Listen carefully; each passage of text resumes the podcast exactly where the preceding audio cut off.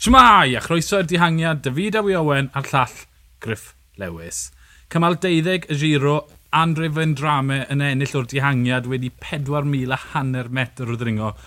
Nôl yn y peloton, ddim lot yn digwydd, ond Vincenzo Nibli yn brathu Mosgon ar y, ar y disgyniad. Griff Vendrame, o'n i'n disgwyl tod, bod dyfer cyflymdir i oroes i heddi, ond oedd yn dringo gyda'r gorau. Oedd, na chi reid glyfar, a dwi wir wir yn hoffi y reid nath fe'n drame fyna. Popeth amdano fe, oedd e'n fel bod e wedi astudio'r rhewlydd na, neu oedd gyda fe'r gwybodaeth gorau yn ei glistau, achos nath e popeth yn perffaith. Nath e gweld uh, y cwroladd yn mynd mlaen gyda Bennett a um, Brambia, a nath e, nath e ymosod, nath Hamilton mynd gyda fe, ond wedyn dyna, dyna diwedd y diwrnod i'r lleill. Ie, yeah, beth yn y byd oedd... Na, dewn ni'n Brambia a Ben roi bach o stwrin o wedyn.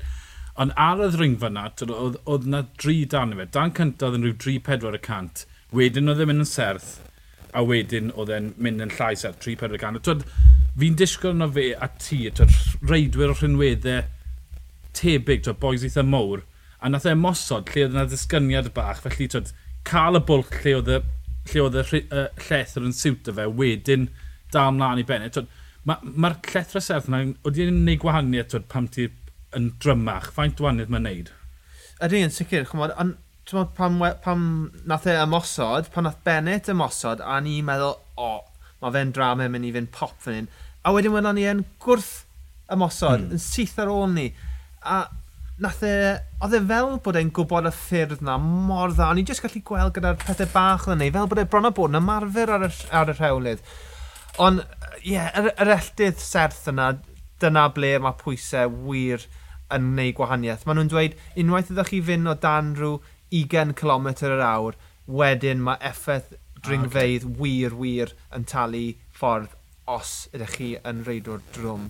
Ie, yeah, a fe'n fendrame, diwedd ddim wedi bod yn gweithio.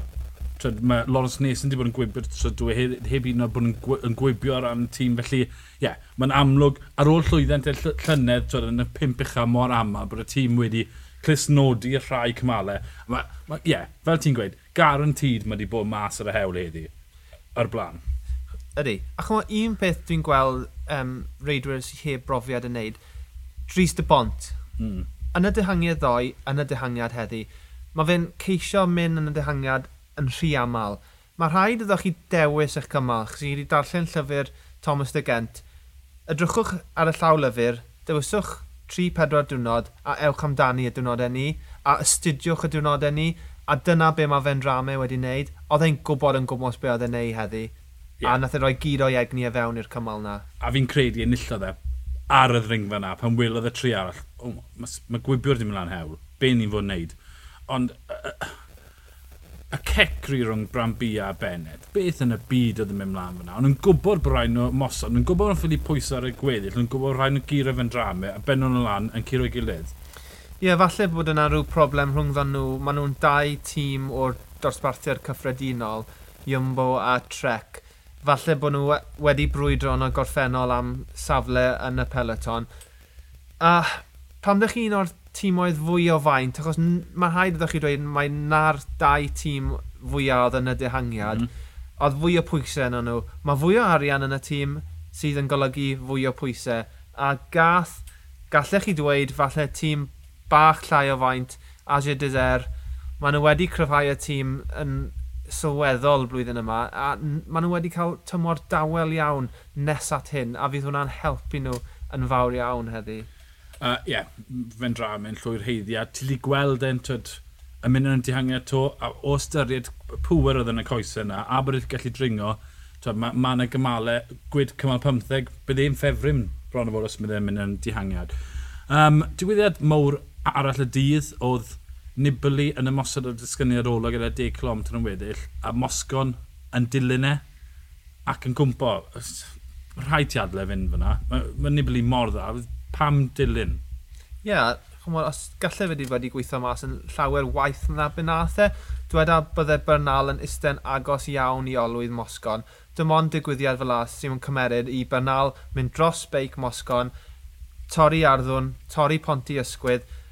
Dyna pam mae'r giro ma ddim ar ben. Mae digon a digon o bethau gallu mynd o'i le i Bernal. Dwi ddim eisiau, fi ddim eisiau dda fe, ond fi ddim yn offi dweud bod y giro ma ar ben. Wel, Mae'n ddewis Dylan Nibli. Fi'n cofio, yw e Contado neu a Schleck nath gwyno pan maen nhw'n rasio lawr y disgyniad. Twed, a, a ti'n gofyn cwestiwn nôl i fe, wel, pam nes di ddilyn? Twed, os nad mae'n rhan o'r grefft, yr un peth y ymosod lan rhyw, wel, ti'n ffitach a ti'n ysgafnach, wel, mae ymosod lawr rhyw yr un faint mor ddilys. Ydy. A twyd, does dim rhaid dilyn. Bynal, oedd e'n ddigon clefer i adle fynd.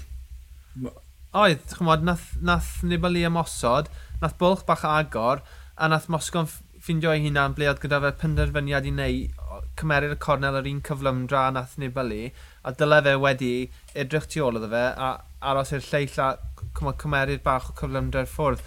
Ond, ie, yeah, mae gyda Nibali rhywbeth wahanol i'r lleill a efo'i sgiliau fe'n disgyn a dim ond falle hanner drwsyn sydd o fewn y peleton sydd gyda'r sgiliau yna o, o, o. E. A chymod be, sa'n credu dyna'r diwedd o'r fath yna o ymosod welwn ni o Nibali. E, mae gyda fe Giaconi sydd yn hedfan, a welwn ni nhw'n rhoi pwysau unwaith eto ar unios. Gant y cant. Pedwar munud nôl mae Nibli, mae uh, Giaconi o fewn dwy funud bron a fod. Blinder yn dechrau cymryd uh, gafel o ras. Mae'n ym pethefnos mewn i hi 4,000 hanner metr o ddringo ddo y heddi a'r greian ar y dwrnod cynt. Felly mae'n rhai bod e'n gletach a gletach neu penderfyniadau. So mynd mlaen i gymal fori, cymal 13. Wel, y ffactor bwysig yw bod cymal 14 lan y zonco lan yn digwydd y diwrnod wedyn. Felly, 200 km ar y gwastadur, does dim byd yn mynd i ddigwydd, hamddena, y gwybwyr sy'n mynd amdani. Nawr, mae Caleb Iwan di gadael, Timur Lir di gadael, mae rhestr o wybwyr yn gwaghau. Peter Sagan, Elia Viviani, Gaviria, Chimolai, Nitsolo, a fi'n cael bach o broblem meddwl am lot mwy yn ni. Twyd, mae Gaviria di disgwyl yn grif, mae Sagan di disgwyl yn grif, ond ddim cweith y cyflymau uh, fech falle, neu David Decker, ond does na ddim enw'n sgrechian mas fel y ffefryn. Na, ti di enw nhw i gyd, ond falle un, Gronovegan, mae fe dal yn y ras, mae fe moyn ennill cymal yn sicr. Mae'r daith yma ddim yn mynd yn gret i, i Jumbo Fisma. Bennett wedi colli llawer iawn o amser, wrth gwrs mae gyda nhw Tobias Foss, ond fydden nhw'n edrych i ennill cymal fori. A anodd iawn dewis enw o fori. Ond un peth braf amdano'r giro mae yw sicr chmod, ar ôl cymal fel heddi, mae yna lot o coesau blinedig yn y daith a fel welon ni heddi, fel welon ni ddoe, dwi am rhaid gweld bod lot o diang, diangfeidd mynd i fynd o holl ffordd i'r llinell terfyn yn y daith yma. Ie, yeah, fi'n credu, dyma'r cyfle ola go iawn i'r gwybwyr, ac sa'n gweld nhw yn, yn taclo'r wrthos ola. Cymal 14 zoncla, cymal 15 yn mynd trwy Bryniau Slovenia, a mae hwnna'n sgrech yn dihangu. Cymal 16 yw cymal y Frynhines, dros 5,000 fetr dringo. Dim byd fyna, cymal 17 lan y sega di alta, mae hwnna'n mynd i fod yn edrych ar ei ffefrynnau. Cymal 18, to, mae hwnna'n gyfle, ond cymal 19, cymal 20 yn, yn, yn, yn dringo, felly tod, Mae hwn yn bwysig iawn. Mae'r pwysau mynd i fod yn aruthrol. Dim ar rhywbeth Dylan chrôn o fechyn sy'n dod nôl, ond gyfuriau heb ennill. Elia Fifiani sydd wedi disgwyl yn ofnadw. Uh, mae Peter Sagan di ennill. Tod, falle oherwydd bod e wedi ennill y barod, mae'r pwysau yn mynd i rhyddhau e, a mae e'n mynd i wneud dewisiadau cywir. A gallu cyrraedd y llun achos, tod, Jim Malai, wedi bod ar y podiwm lot, Nizzolo, tod, ddim yn disgwyl digon cyflym, felly, ie, yeah, llydan agored. A fi'n credu pwy bynnag sy'n lli delio'r pwysau orau, e, falle ddim y cyfle ond pwy sy'n lli wneud y penderfyniadau cywir ar yr amser cywir sy'n mynd i ennill fori. Ie, yeah, to ti'n sôn am ffefryn heifori a mae'r pwysau ffwrdd o gan ti'n hollol cywir. A sa'n credu welwn ni bora ar y blaen fori yn dod â dehangiad na nôl. Fydden nhw'n dweud, granda, mae lot fwy gyda chi profi na ni. Gaviria, fi'n credu welwn ni UAE ar y blaen. Jumbo, mae'n un anodd, mae gyda nhw fwy o diddordeb yn ffos falle.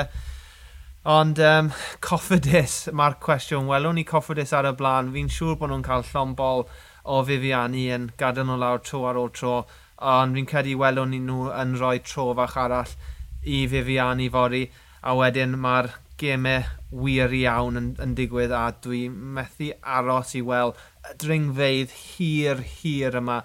I weld pwy sydd gyda'r coesau a yw'r Emco Evan Paul. Ni heb gweld os bod y gyda fe'r coesau yn y uchel diroedd mawr, mawrion yma, ond um, dyn ni am gweld hynny. Sôn am y zonclan gan bod ti ddim ma fori, o ystyried nad yw'r e'r, nad yw er cymal caleta, ti'n gweld banal yn ymosod gan agor bwlch?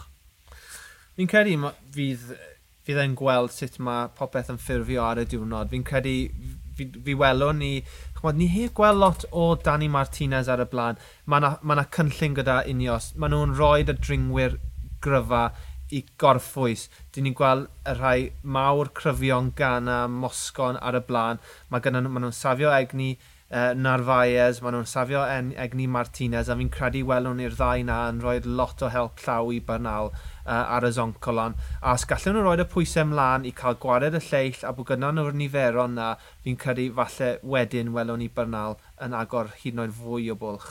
Ie, yeah, wel, ni methu aros at y zonclan, byddwn ni'n trafod hwnna yn pod fori wedi cymal 13, a'n gweld pa un o'r, un o'r gwybr sy'n cropian dros y llinell. Ond o fi Dewi Owen a'r llall Griff Lewis, ni'r dihangiad, hwyl.